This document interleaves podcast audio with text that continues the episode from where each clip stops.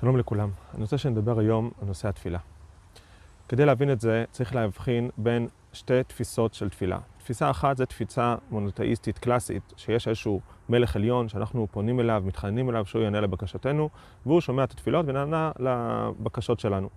זו התפיסה הספונטנית של תפילה רגילה, אבל היא עלולה להיות מאוד מאוד לא מדויקת, עלולים להתלוות אליה הרבה מאוד רגשות של ייאוש, כעס, אכזבה לפעמים אחרי שהתפילה לא נענית, ולא תמיד זה מדויק ולא תמיד זה הצורה האיכותית ביותר של התפילה.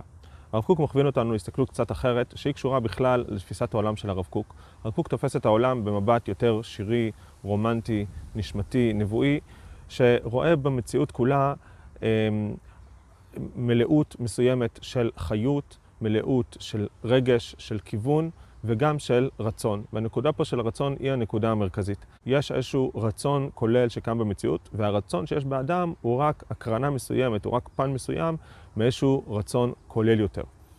אז התפילה, מטרת התפילה היא לכוון את הרצון של הבן אדם, לעדן את הרצון של הבן אדם, לאזן את הרצון של הבן אדם, ועל ידי זה שהרצון של הבן אדם יהיה יותר מכוונן, יותר ממוקד, יותר מסודר, ככה גם הרצון העולמי כולו יושפע מהדבר הזה, והמציאות כולה תושפע מהדבר הזה.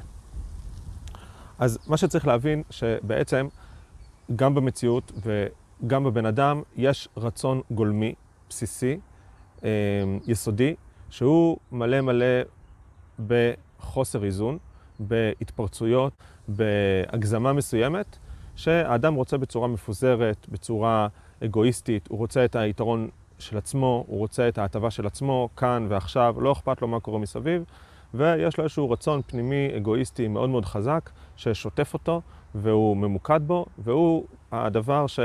אמ, שפועל בו בצורה הכי חזקה, והמציאות כולה בעצם מלאה מהמון המון רצונות כאלה, ולכן כל גורם במציאות שואף רק להטבת עצמו, ואין סדר במציאות, אין הרמוניה במציאות, אין איזון במציאות, כיוון שהרצון העולמי הוא מלא מלא בנקודות, נקודות, נקודות, שכל אחת דואגת לעצמה, ואין שום תמונה כללית.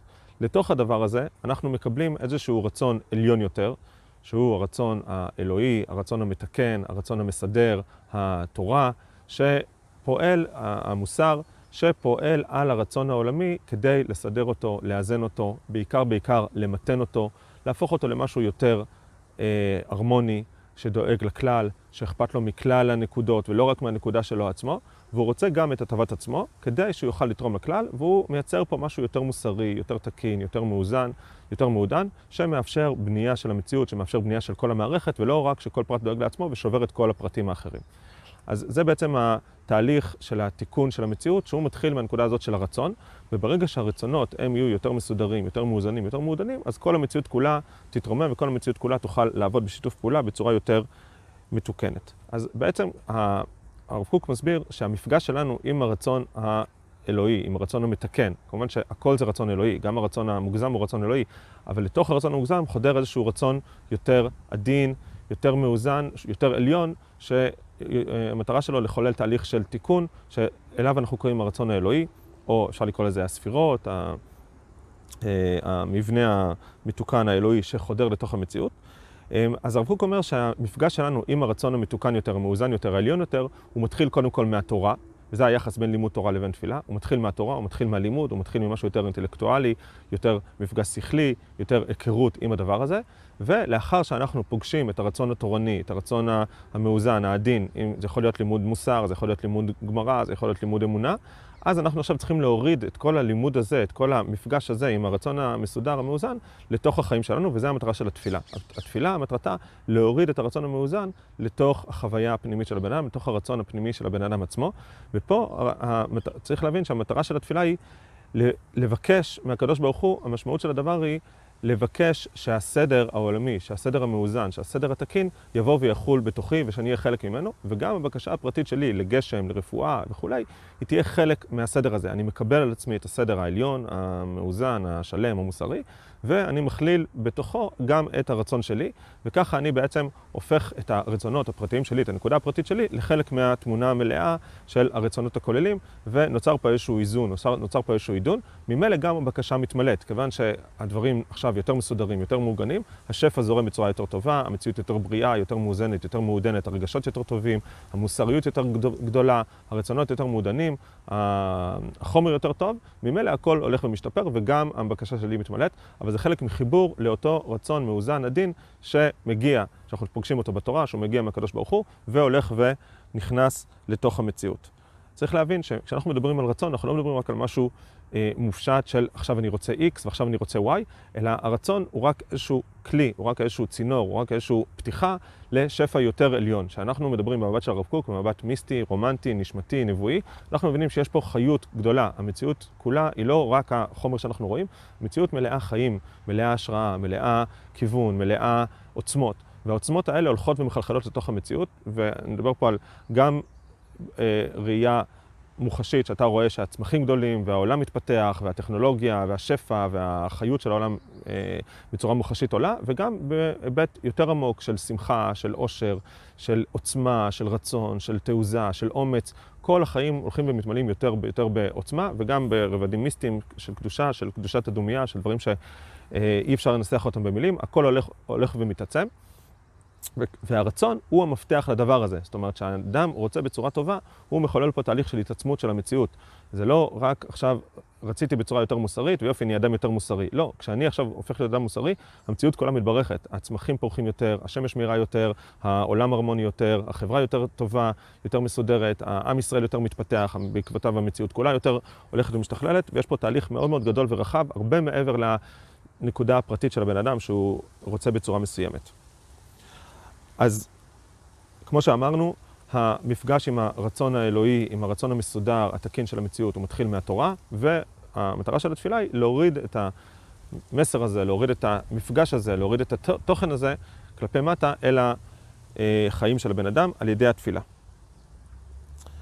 אמ, יפה. עכשיו אני רוצה לדבר על כמה השלכות של הדבר הזה. אז קודם כל, אמ, צריך להבין כשאדם יש לו איזשהו צורך, אז כחלק מהמכלול הזה שאנחנו מדברים, של הרצון של המציאות, ברגע שהאדם הגיע לו איזשהו צורך, ויש לו איזשהו צורך מסוים, זה צורך של המציאות, זה צורך שהופיע במציאות. יש לי צורך לאכול, יש לי צורך לפרנסה, יש לי צורך לגשמים. זה צורך שמופיע במציאות, ואני עכשיו הולך ומתקן את הצורך הזה, שם אותו במקום המתאים. אבל זה לא סתם שהגיע לי הצורך הזה, אני גם מכיר טובה על זה שאני עכשיו צריך משהו מסוים, ויש לי הזדמנות להתפלל עליו. זה מפתח ל... אה, העצמה של המציאות. וכשאני מתפלל, כשאדם מתפלל ומגבש את הרצון שלו ומשתמש בצורך הזה כדי להתקרב לקדוש ברוך הוא, כדי להתפלל עליו, כדי לחבר אותו לצרכים האחרים, הוא תורם פה למציאות, וצריך לראות פה גם את ההשגחה הפרטית ואת הסדר של המציאות שנתנה לבן אדם צורך מסוים כדי שהוא יתפלל עליו. זאת אומרת, באיזשהו מקום הדבר הזה עובד הפוך. אני לא מתפלל כדי למלא את הצרכים, אלא מגיע אליי צורך כדי שאני אתפלל, כדי שאני אגרום פה להטבה רצונית במציאות. ממילא אחרי שתבוא הטבה רצונית, גם יבוא שפע וברכה לעולם, כמו שהסברנו. אז בעצם המטרה של החיסרון היא לעורר איזושהי צמיחה, ופה צריך להתחבר לאיזשהו תהליך כולל יותר שקיים במציאות, שהרב מדבר עליו הרבה, של התהליך של העילוי של המציאות. המציאות כולה מתחילה מנקודה מאוד מאוד נמוכה, והולכת ועולה, הולכת ומתקדמת, והקדוש ברוך הוא טבע במציאות את החסרונות ואת היכולת לתיקון, כדי שיהיה פה באמת תהליך של תיקון, תהליך של התעצמות, שיש בו ברכה מאוד מאוד גדולה. וכשאדם ניגש לתפילה, הוא ניגש לתפילה לא מתוך אכזבה, ולא מתוך כעס, ולא מתוך ייאוש, ולא מתוך תחושה של איום ונורא שיש לי צורך, אלא מתוך, קודם כל, עין טובה, קבלת הדין ואהדה לכל התהליך הזה. צריך, אדם צריך להיות מחובר לכל התהליך הזה של ההתקדמות של המציאות, של התעצמות של המציאות, מתוך הבנה שיש פה תהליך אלוהי, תהליך מבורך ותהליך טוב, שהוא נותן לנו שותפות בתהליך, ולכן הוא צריך קודם כל לשמוח בזה שיש לו חסרונות, לשמוח בזה שיש לו צרכים, ועכשיו מתוך השמחה הזאת, מתוך העין הטובה הזאת, מתוך המקום השלב, הרגוע, המתון, המאוזן, המקבל את החסרונות, לבוא ולבקש, לבוא ולשמוח, אבל לא בקשה שהיא בקשה של ייאוש ובקשה של כעס, אלא בקשה מתוך שמחה, מתוך סיפוק, מתוך הכלה של הדבר, הבנה של הדבר, אני מבקש. למה אני מבקש? כי זה תפקידי, כי אני רוצה את הדבר הזה ואני מבין שהרצון הזה שהתעורר בתוכי, יש לו מקום בתוך המערכת, ואני רוצה לחבר אותו למערכת. אז אני לא מבקש מתוך התפרצות של כעס, אלא מתוך שמחה, מתוך הבנה שזה הצורך שכרגע צריך לבוא, ש- שהגיע אליי ושצריך להתבטא פה בעולם, ואני, תפקידי, אני נשלחתי כדי לבטא את הצורך הזה, ואני מביע אותו במציאות, בתפילה שלי, ואני מתפלל ומתחנן ומבקש בכל כוחי, אבל לא מתוך אה, ייאוש, אלא מתוך אמונה מאוד מאוד גדולה ועין טובה מאוד מאוד גדולה, וזה הבדל דק, אבל מאוד מאוד חשוב בכל הנושא הזה של תפילה. אה, ונקודה אחרונה שצריך להבין, שאין פה משחק. זה לא שאנחנו מדברים על מערכת אטומה, מכנית, כמו איזו מכונה גדולה של רצון, שאני עכשיו מבקש, והרצון העולמי התעלה, ועכשיו קיבלתי, ויש פה איזה משהו אטום כזה ומשהו אוטומטי כזה, שהכל פועל ולוחצים על כפתורים. יש פה את ההאזנה האלוהית, זה מאוד מאוד חשוב, כי הרבה פעמים הולכים בהבנה של תפילה לפי הרב קוק לכיוון השני, והכל הופך להיות אטום ומכני. לכן צריך להכניס פה את הנשמה לתוך המערכת הזאת. זה מבנה מאוד מסודר. הקדוש ברוך הוא החליט מרצונו העליון לפעול בעולם בתוך מערכת, מערכת של רצונות, מערכת של מידות, ספירות, אידיאלים, ערכים, שהולכים ובונים את המציאות, ואנחנו פועלים בתוך המערכת. אנחנו לא פונים ישירות אל הקדוש ברוך הוא, מתעלמים מהמערכת. לא. אנחנו פועלים בתוך המערכת, כמו שאדם רוצה להיות בריא, הוא מתחשב בחוקי הרפואה, הוא לא מצפה פה לניסים, וזה טוב, זה חלק מהמבנה של המציאות שדיברנו עליו, אבל הוא זוכר שמאחורי המערכת הזאת יש אלוהים, יש עצמות, יש גורם ששומע אותו, גורם שמתפעל ממנו, גורם ש...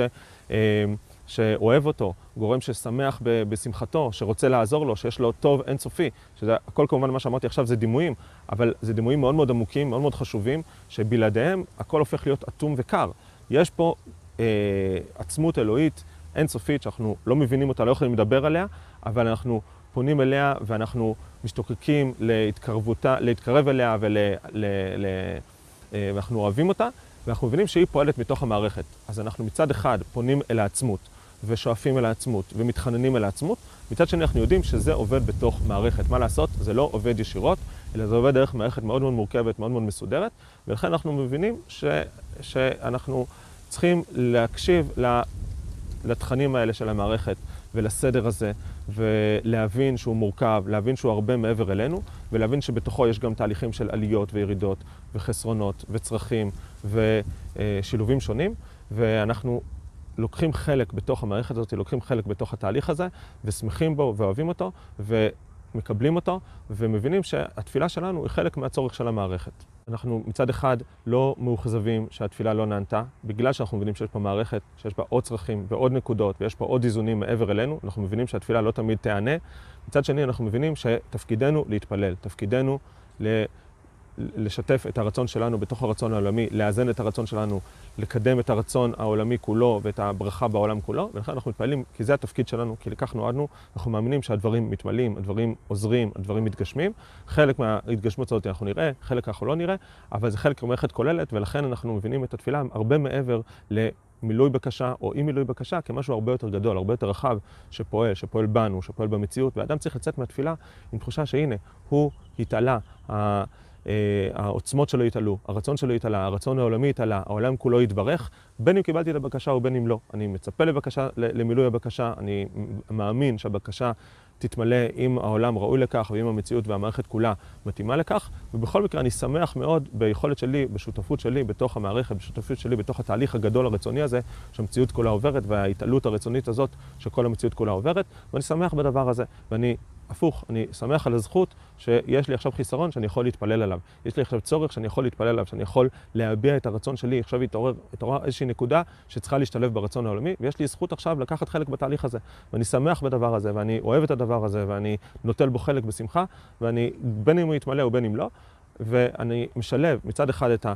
האמונה בתפילה ואת האמונה ואת החשיבות של הבקשות ואת כל העוצמה הפנימית, התשוקתית לקראת הבקשות שעכשיו עולות בתוכי. מצד שני, אני מבין את המערכת, אני מבין את האיזון של הדברים, אני מבין את התהליכיות של הדברים, את האיטיות של הדברים, את השלבים שהדברים עוברים וגם את, ה, את העיכובים לפעמים שיש, ואני לא עושה את זה מתוך עקשנות ומתוך אה, אה, כעס ואכזבה, אלא מתוך שמחה, מתוך אמון ומתוך שמחה בתהליך כולו שקורה. יש פה שילוב של שני הצדדים שהוא סוד מאוד מאוד גדול ו... תיקון מאוד מאוד גדול בעניין הזה של התפילה. יופי, בעזרת השם, נמשיך בהמשך לעוד נושאים.